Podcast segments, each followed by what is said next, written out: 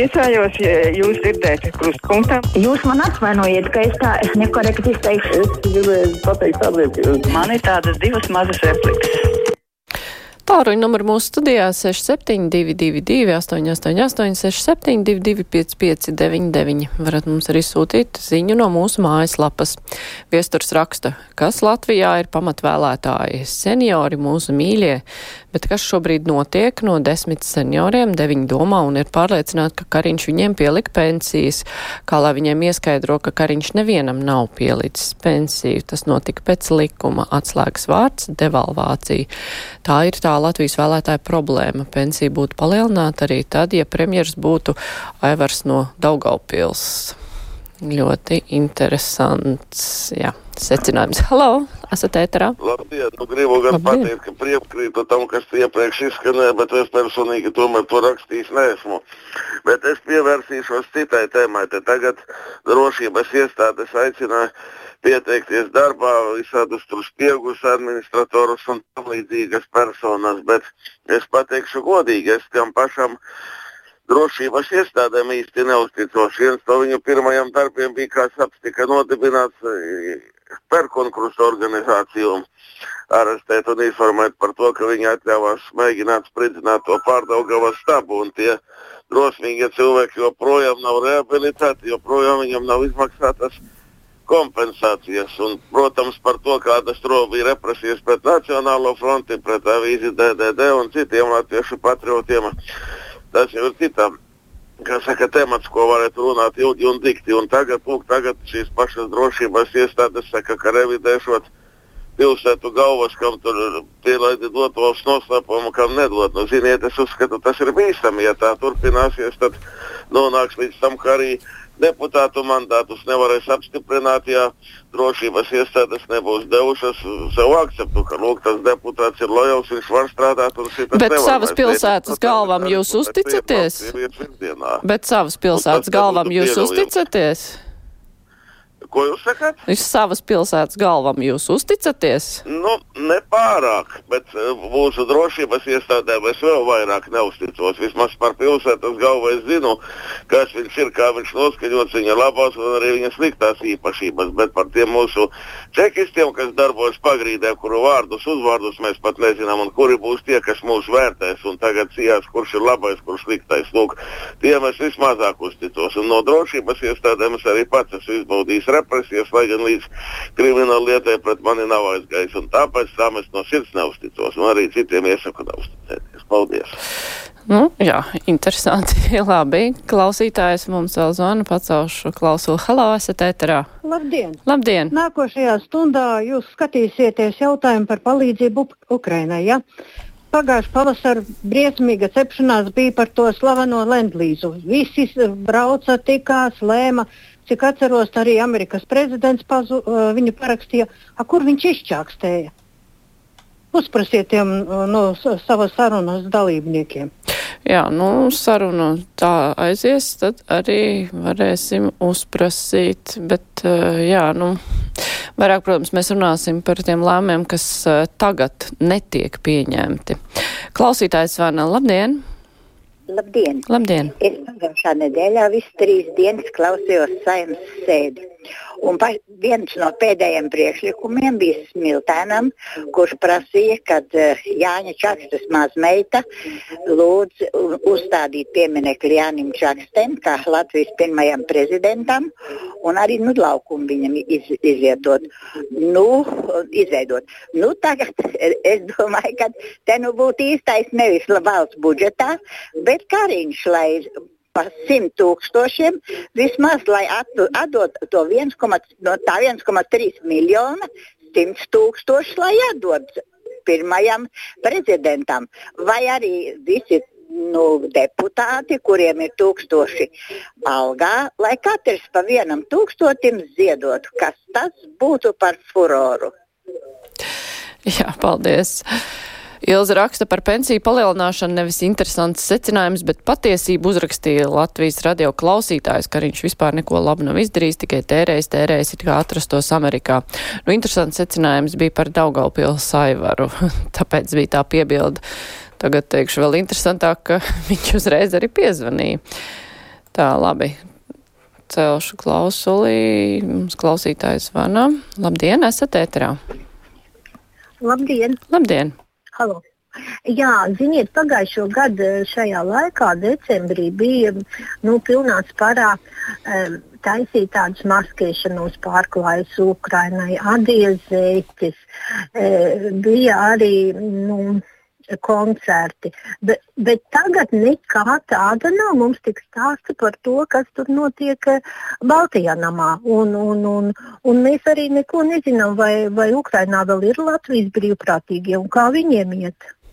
Jā, paldies. Nu, noteikti brīvprātīgie ir un arī palīdzība tiek sūtīta, un par to arī mēdī ziņo.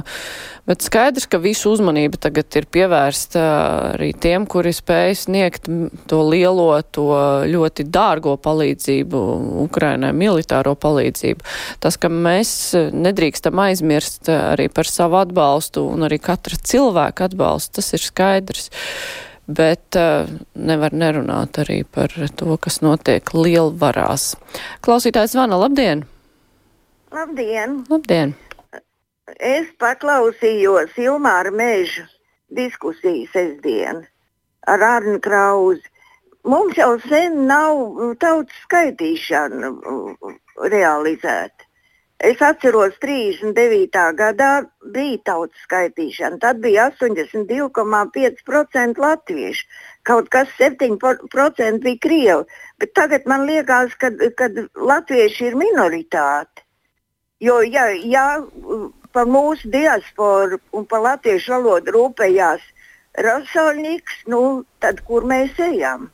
Paldies! Paldies! Latvieši noteikti nav minoritāte, latvieši ir vairākumā, bet jā, jūs gribat, nu, cik es sapratu tādu tautas skaitīšanu, kur nāk uz mājām un pierakst uz lapām visu. Klausītājs Vāna, labdien! Es varu runāt? Jā, lūdzu. Labdien! Es gribētu mīļai latviešu tautai atgādināt, ka Kariņa kungs nelidoja personīgos lidojumos.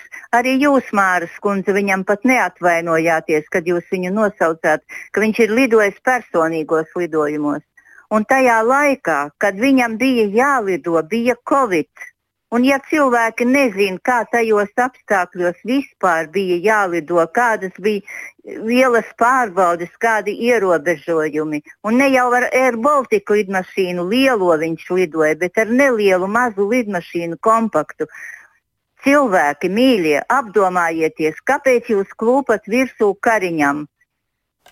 Kauns jā, paldies. Uh, savukārt klausītājs Ritvars, uh, viņš ir pilnīgi citās domās. Viņam viss vienkārši ir iebies, jo viņam savukārt ir sajūta, ka par kariņa lidojumiem pārāk maz laikam runā, jo viņam šķiet, ka tie tā arī tiks norakstīti.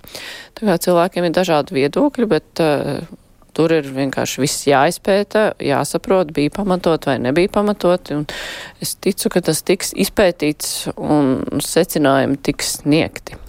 Klausītājs zvana. Labdien! Labdien! Labdien! Man, tad, man tāds drusciņš jautājums ir jums. Cik izmaksāja smiltēna pazīmēšanās kopā ar hokeistiem pie brīvības pieminekļa? Tas kaut kā ir pavisam aizmirsts. Tagad visi brauc virsū kariņām, un to vispār jautājumu necilā. Un vēl viens. T34 sevišķi gudrie parakstīja to lēmumu vai ne par referendumu, ka vajag. Nu, un Tavārs vēl cīniski pateica, ka nesavāks visticamāk, ka tā esot demokrātijas cena. Nu, tad viņiem varbūt vajadzētu pašiem samaksāt to cenu. Paldies! Jā, paldies.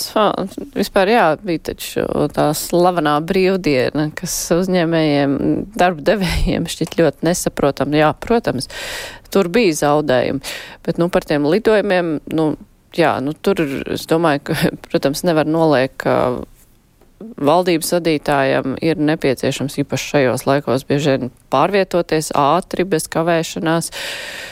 Un vai tie bija tie gadījumi, tas arī tiks izpētīts. Un es nezinu, vai tur ir vērts vispār joprojām strīdēties. Kad būs informācija, tad arī varēs paust savus secinājumus.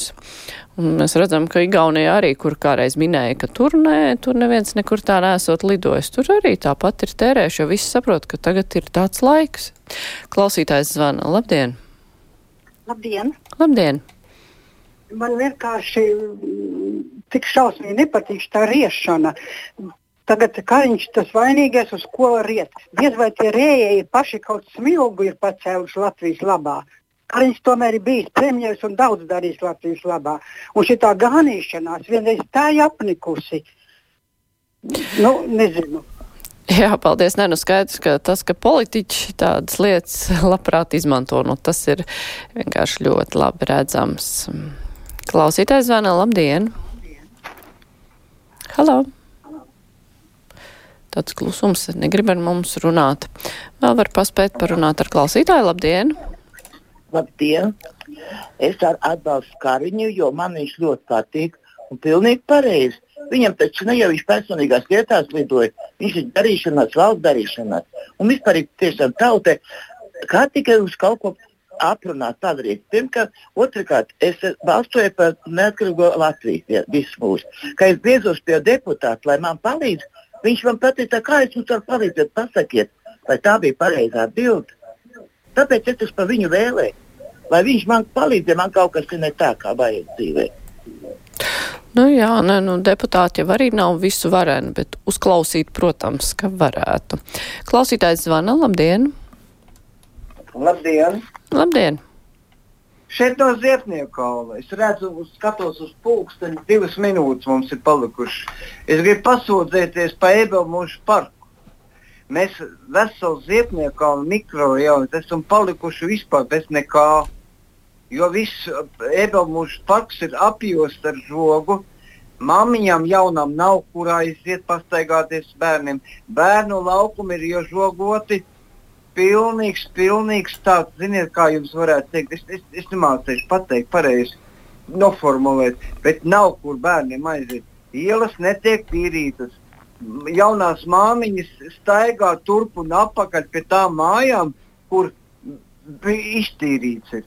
Nu, pilnīgs, es atvainojos. Un vakar es biju liecinieks, kad māmiņa viena ar bērnu ratiem bija izlauzusies to sētu, jo vidū ir bērnu laukums.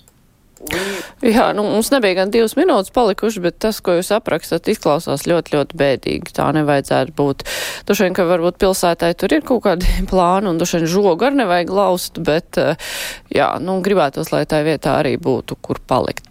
Labi, paldies, brīvais mikrofons ar to izskan.